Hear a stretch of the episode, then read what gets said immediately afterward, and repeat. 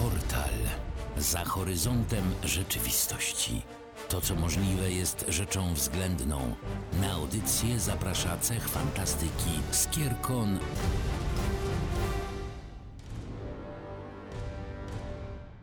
ostatnią lipcową niedzielę witamy w portalu. Tu Aurelion. I Iga, cześć. Cześć Iga.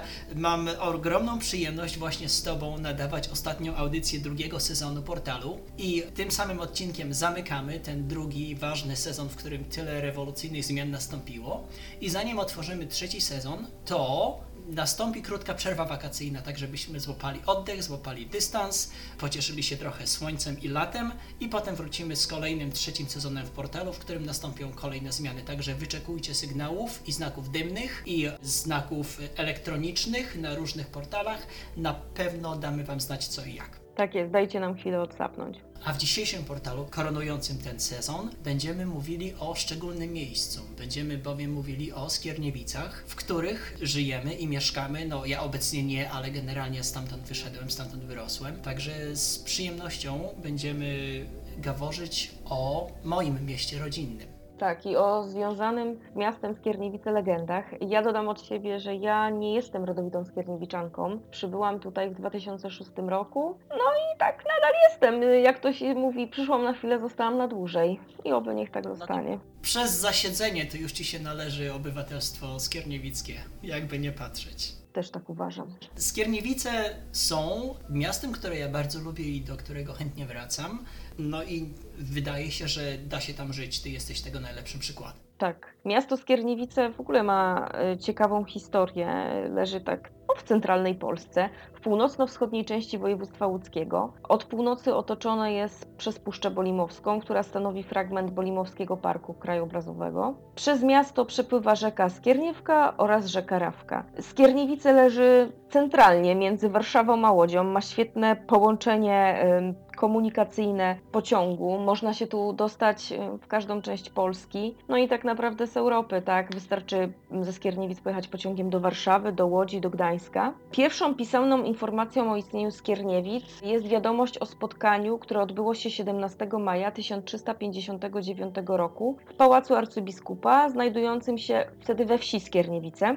Z informacji tej wynika, że wieś Skierniewice powstała przed 1359 rokiem i należała do rozległych dóbr łowickiego arcybiskupa gnieźnieńskiego. Ponieważ dobra łowickie były własnością arcybiskupa już w 1136, no, wynika z tego, że okolice Skierniewic należały do majątków kościelnych już od XII wieku. W 1457 roku Skierniewicom zostały nadane prawa miejskie, i od tego czasu miasto prężnie i wspaniale się rozwija. W Skierniewicach znajduje się wiele atrakcji turystycznych i obiektów historycznych, wśród których warto wymienić kolej warszawsko-wiedeńską, Pałac Arcybiskupów Gnieźnieńskich, rynek z ratuszem, parowozodnie czy bramę wjazdową. Jest co zwiedzać, jest co oglądać.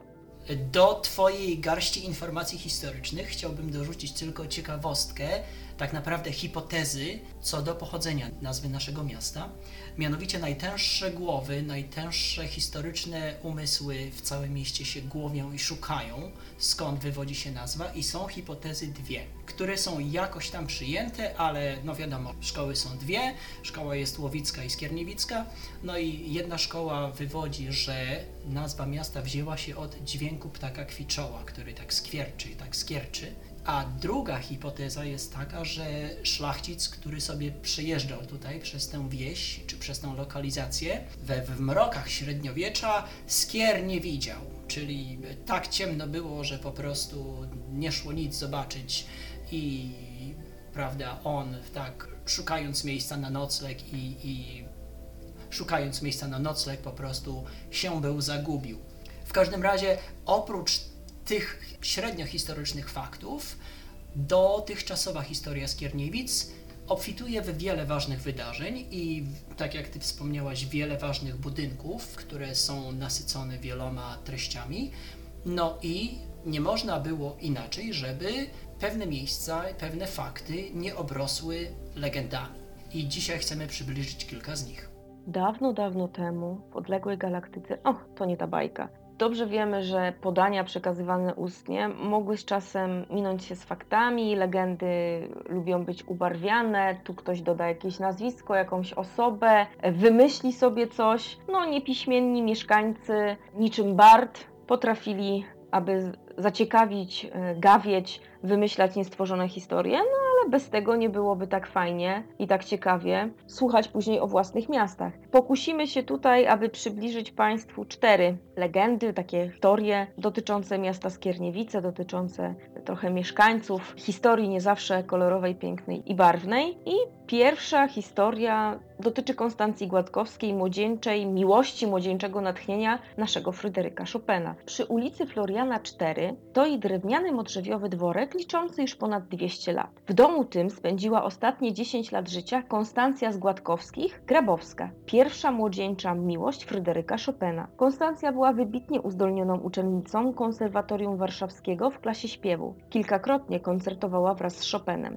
Wówczas to stała się jego ideałem, jego natchnieniem. Pisał o niej Chopin nawet do swoich przyjaciół. Znajomość ta jednak nie trwała długo, ponieważ już w 1830 roku Chopin wyjechał na dalsze studia za granicę i nie wrócił już do kraju. Na pożegnanie młodzi wymienili się pierścionkami, obiecali sobie wierność, miłość aż po grób. No niestety korespondencja już po roku się urwała, a Konstancja już dwa lata później, czyli w 1832 roku wyszła za mąż za wdowca Józefa Grabowskiego i zamieszkała z nim w majątku Raducz pod Babskiem, 20 km od Skierniewic. Niestety w wieku 35 lat pani Konstancja straciła wzrok i po śmierci męża w 1879 starsza kobieta po prostu zamieszkała w Skierniewicach w domu przy kościele. Nie wszyscy mieszkańcy Skierniewic wiedzieli, że była młodzieńczą miłością Chopina, jego natchnieniem. W kuluarach nazywano ją narzeczoną Chopina. Konstancja Grabowska zmarła w Skierniewicach 20 grudnia 1889 roku. Kąt po nabożeństwie w kościele świętego Jakuba przewieziono jej ciało do rodzinnych stron do Babska.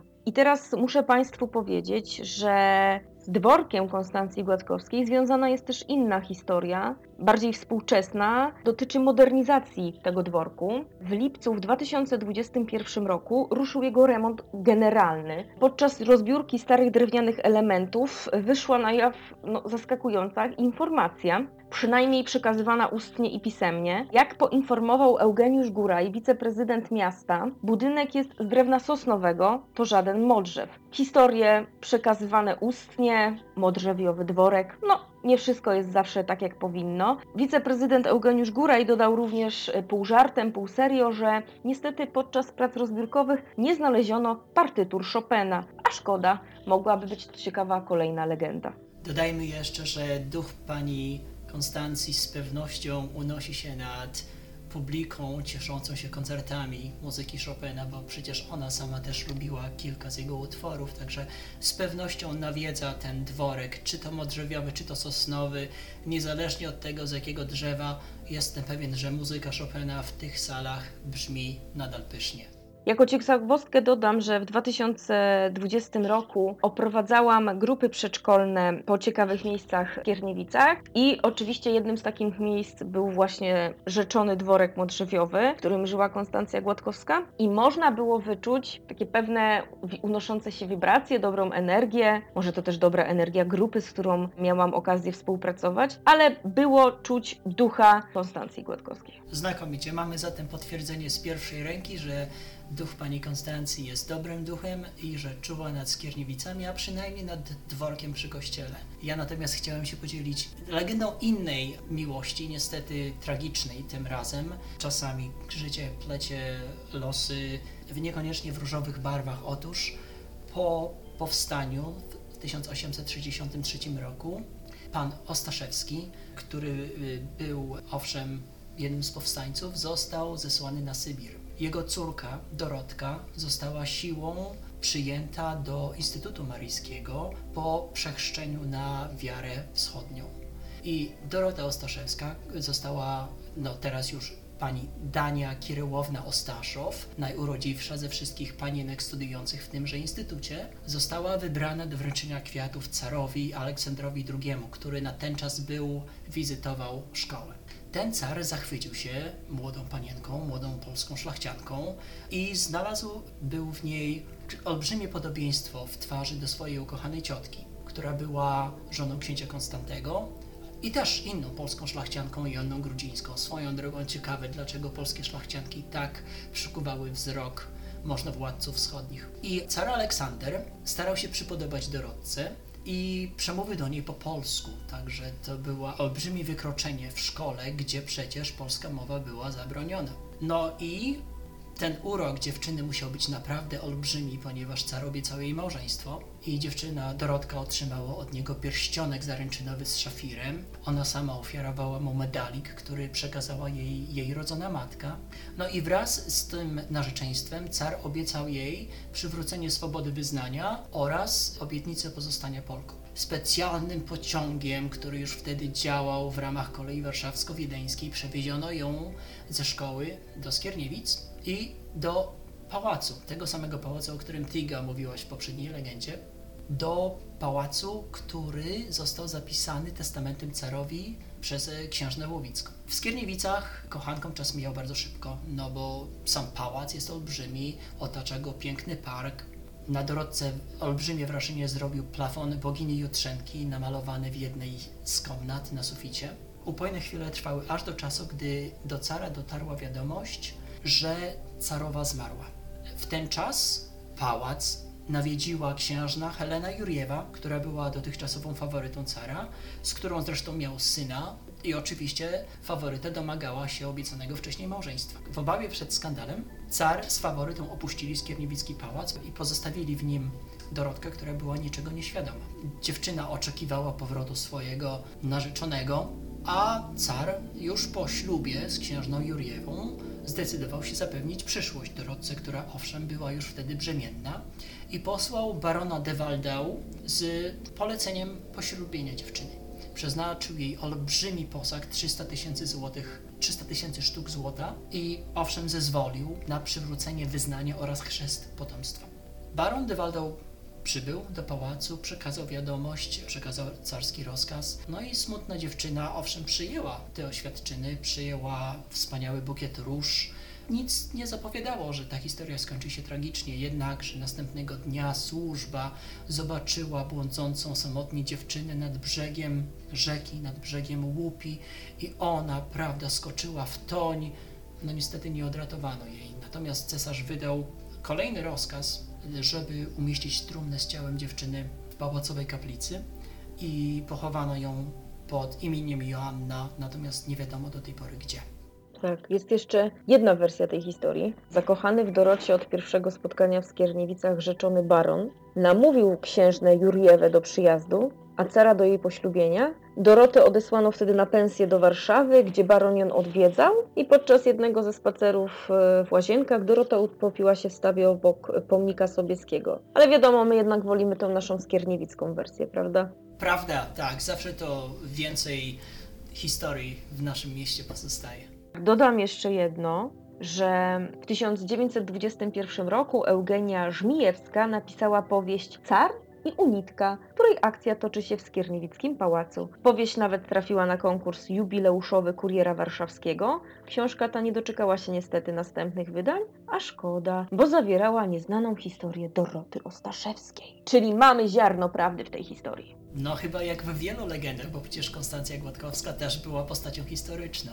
Tu niezaprzeczalnie. Oprócz Dorotki w Kierniewicach była jeszcze jedna podobnie smutna historia. Dotyczyła Sabediany, branki carskiej. Najstarsi mieszkańcy Skierniewic opowiadali swego czasu o figurce pięknej dziewczyny w przewiewnych szatach, która znajdowała się na początku XX wieku na wysepce niewielkiego stawu w pobliżu willi Aleksandria. Rzeźba niestety została zniszczona i leży teraz gdzieś na dnie stawu. Y, figurka symbolizowała młodą czerkieskę, przywiezioną do Skierniewic w 1877 roku przez feldmarszałka Aleksandra Bariatyńskiego, który w nagrodę za zwycięski podbój Kaukazu otrzymał od cara bezpłatną dzierżawę dobra skierniewickie. I książę, sprowadzając się do skierniewickiego pałacu, przywiózł sobie po prostu łup wojenny. Umieścił swoją faworytę w willi w północnej części parku, otaczającego rezydencję carską. Willa została wybudowana w 1841 roku przez Ićkowskiego, znanego architekta z Warszawy.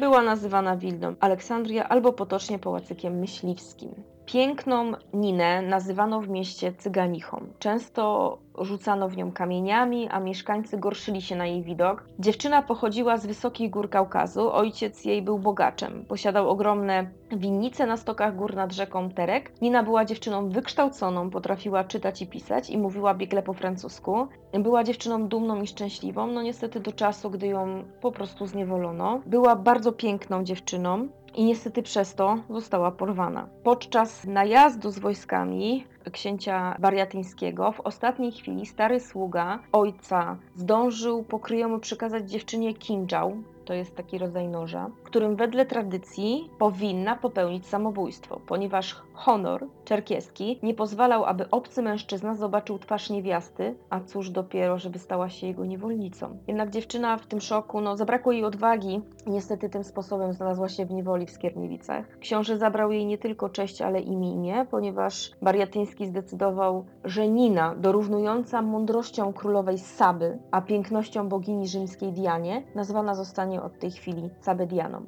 Aleksander III podczas pobytu w Skierniewicach zachwycił się piękną niewolnicą i zaproponował Bariatyńskiemu odkupienie dziewczyny w zamian za przedłużenie dzierżawy dóbr skierniewickich. Legenda głosi, że piękna i mądra Sabediana popełniła samobójstwo, przebijając się kinżałem przywiezionym z rodzinnych stron. No smutne są historie tych kobiet w Skierniewicach niestety. No niestety. Ale za to mamy wiele kapitalnych babek, które się osiedlają tutaj ostatnimi czasy i w związku z tym miejmy nadzieję, że XXI stulecie będzie dużo lepsze od XIX.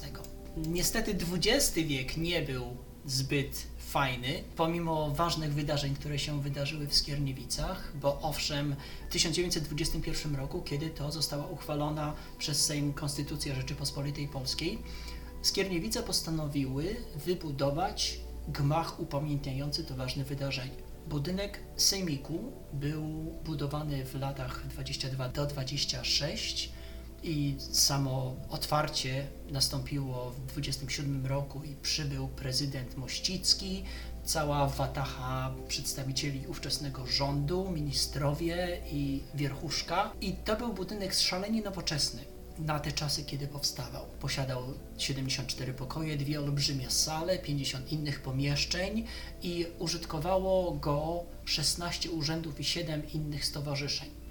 Także była cała masa instytucji, które korzystały z tego miejsca.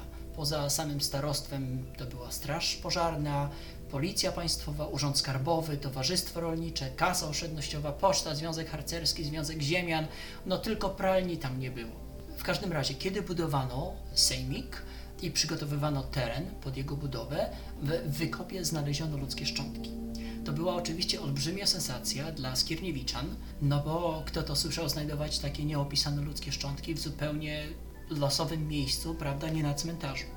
I przez wiele lat po tym wydarzeniu opowiadano, ile to kości, czaszek, całych szkieletów znaleziono i wykopano. I przypuszczano z jednej strony, że to mogą być jakieś szczątki po jakimś starym cmentarzu, a inna hipoteza głosi, że być może te szczątki pochodzą aż z wojsk szwedzkich, które nad strugą, która przepływała w pobliżu Sejmiku, stoczyły jedną ze swoich bitew. I po prostu rzeka naniosła muł i, i inne piaski i pokryła szczątki przez wieki od szwedzkiego potopu. Legenda, którą skierniewiczanie powtarzają od czasu tej nowiny jest taka, że w salach sejmiku, w ciemnych oknach suteren, w najwyższych piętrach można zobaczyć lśniący zimnym księżycowym blaskiem kości, czaszki, czasami nawet całe szkielety, które się poruszają, a szczególnie jesienią, kiedy mamy silniejsze wiatry, kiedy skrzypią latarnie, kiedy drzewa zawodzą.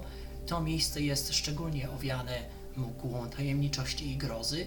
No i oczywiście w czasach, kiedy znaleziono szczątki, nie było biologii molekularnej i narzędzi molekularnych, żeby potwierdzić, czyje to są szczątki, czy to są bardziej związane z genetyką szwedzką, czy z genetyką polskich obywateli. Natomiast legenda przetrwała do dziś i szczególnie jest popularna jak słyszymy, wśród starszego pokolenia Skierniewic. Młodzi chyba nie mają jeszcze takiej wyobraźni, bo nikt się nie chwalił, że widział szkielety w oknach. Ja dodam, że od tego roku odbywają się roboty budowlane. Jest remont parteru budynku dawnego Sejmiku Skierniewickiego, obecnie siedziby Starostwa Powiatowego w Skierniewicach i kto wie, kto wie, może znajdzie się tam jeszcze coś ciekawego. Może się dokopią jeszcze gdzieś dalej, może coś w murach zostało przemycone podczas budowy. Czas pokaże. Ja bym bardzo chciał, żebyśmy się dokopali jakiegoś żywego smoka albo innego dinozaura, albo chociaż mamuta. To by była olbrzymia sensacja. Swoją drogą też jestem ciekaw, czy kiedyś dokopią się smyczki od komórki, który kiedyś mi upadł w okolicach właśnie sejmiku i może ktoś, jakiś szczęśliwy znalazca zwróci. O, to ja myślę, że to już dawno zaginęło w czeluściach wszechświata. Nie licz na to. Oczywiście oprócz czterech legend, które dzisiaj Wam przybliżyliśmy, w Skierniewicach z pewnością krąży więcej, także jeżeli tylko znacie jakieś inne legendy związane z innymi ważnymi postaciami, z innymi ważnymi lokalizacjami w mieście, to my chętnie przychylimy ucha, no bo co tu ukrywać, jest dużo ważnych miejsc w całym mieście, którym należą się legendy, nie tylko tym czterem wybranym, najpopularniejszym. Mamy piękny dworzec kolejowy, mamy wspaniałą bramę wjazdową. Mamy Pałacyk Myśliwski e, na drodze do Makowa. Mamy całe osiedle Widok, które przecież też musiało się przebudować ostro. Mamy park miejski, bardzo ładny. Mamy kilka cmentarzy, bardzo starych, z ciekawymi nagrobkami, mówiące dużo o historii tego miasta, kogo chowano, w jakich czasach, jakiej narodowości. Mamy bardzo dużo kapliczek przydrożnych, które stawiano podczas chorób wielkich na ubłaganie Boga, y, aby choroby odeszły. Także zapraszamy do dzielenia się waszymi historiami związanymi z, ze Skierniewicami, bo z pewnością my nie znamy wszystkich.